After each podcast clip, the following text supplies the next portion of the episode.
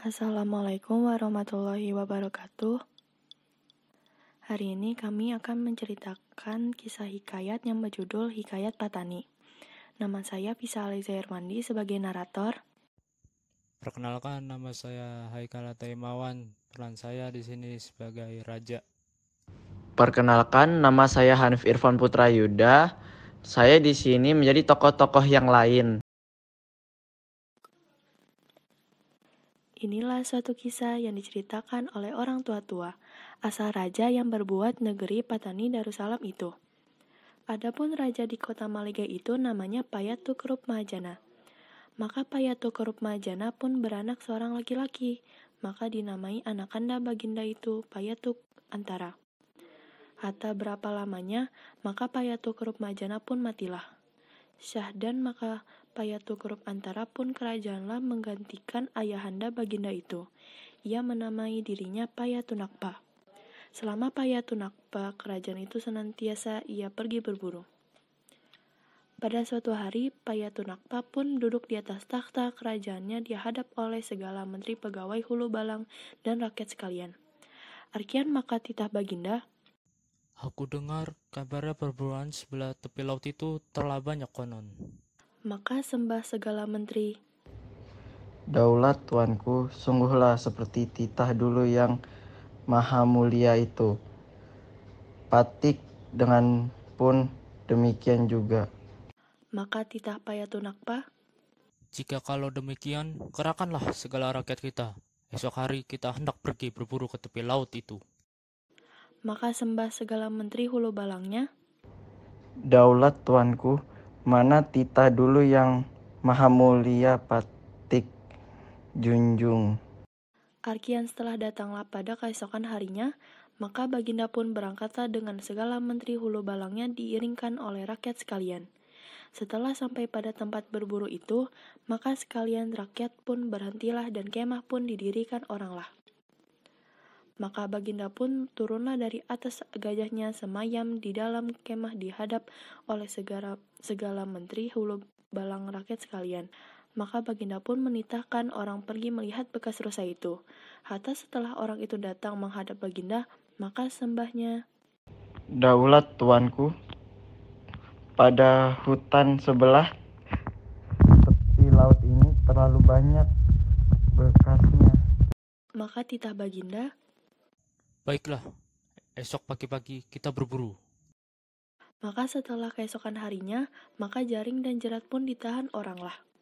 Maka segala rakyat pun masuklah ke dalam hutan itu mengalan-alan mengalan-alan segala perburuan itu dari pagi-pagi hingga datang mengelincir matahari, seekor pemburuan tiada diperoleh. Maka baginda pun amat hairanlah serta menitahkan menyuruh melepaskan anjing perburuan baginda sendiri itu. Maka anjing itu pun dilepaskan oranglah. Hatta ada sekira-kira dua jam lamanya, maka berbunyilah suara anjing itu menyalak.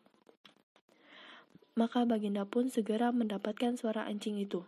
Setelah baginda datang kepada suatu sero serokan tasik itu, maka baginda pun bertemulah dengan segala orang yang menurut anjing itu.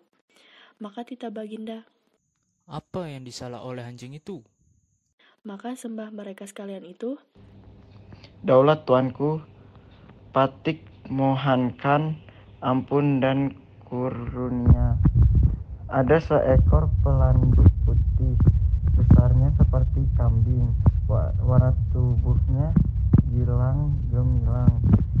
Itulah yang dihambat oleh anjing itu, maka pelanduk itu pun lenyap pada pantai ini. Setelah Baginda mendengar sembah orang itu, maka Baginda pun berangkatlah berjalan kepada tempat itu. Maka Baginda pun bertemu dengan sebuah rumah orang tua, laki bini duduk merawa dan menjerat. Maka titah Baginda suruh bertanya kepada orang tua itu, di mana datangnya maka ia duduk kemari ini dan orang mana asalnya. Maka hamba raja itu pun menjunjungkan titah Baginda kepada orang tua itu. Maka sembah orang tua itu, Daulat tuanku, adapun patik ini hamba juga pada ke bawah duli yang maha mulia.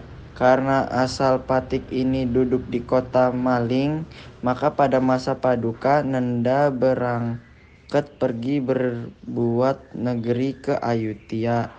Maka Patik pun dikerah oh, orang pergi mengiringkan duli Paduka Nanda. Nanda berangkat itu. Setelah Paduka Nanda sampai kepada tempat ini, maka Patik pun kedatangan penyakit. Maka Patik pun ditanggalkan orang oranglah pada tempat ini. Maka titah Baginda. Apa nama engkau? Maka sembah orang tua itu. Nama Peti Encikani. Setelah sudah Baginda mendengar sembah orang tua itu, maka Baginda pun kembalilah pada kemahnya. Dan pada malam itu Baginda pun berbicara dengan segala menteri hulu balangnya hendak berbuat negeri pada tempat pelanduk putih itu. Setelah keesokan harinya, maka segala menteri hulu balang pun menyuruh orang mudik ke kota Maligai dan kelancang mengerahkan segala rakyat lihir, lihi, hilir berbuat negeri itu. Setelah sudah segala menteri hulu balang ditidakkan oleh Baginda masing-masing dengan ketumbukannya, maka Baginda pun berangkat kembali ke kota Maligai. Hatta antara dua bulan namanya, maka negeri itu pun sudahlah. Maka Baginda pun pindah hilir duduk pada negeri yang diperbuat itu dan negeri itu pun dinamakannya Patani Darussalam atau artinya negeri yang sejahtera. Arkian pangkalan yang di tempat pelanduk putih lenyap itu dan pangkalannya itu pada pintu gajah ke hulu jambatan kedi. Itulah. Dan pangkalan itulah tempat Encik Tani naik turun merawa dan menjerat itu. Syah dan kebanyakan kata orang nama negeri itu mengikut nama orang yang merawa itulah. Bahwa sesungguhnya nama negeri itu mau mengikut sembah orang mengatakan pelanduk lenyap itu. Demikianlah hikayatnya.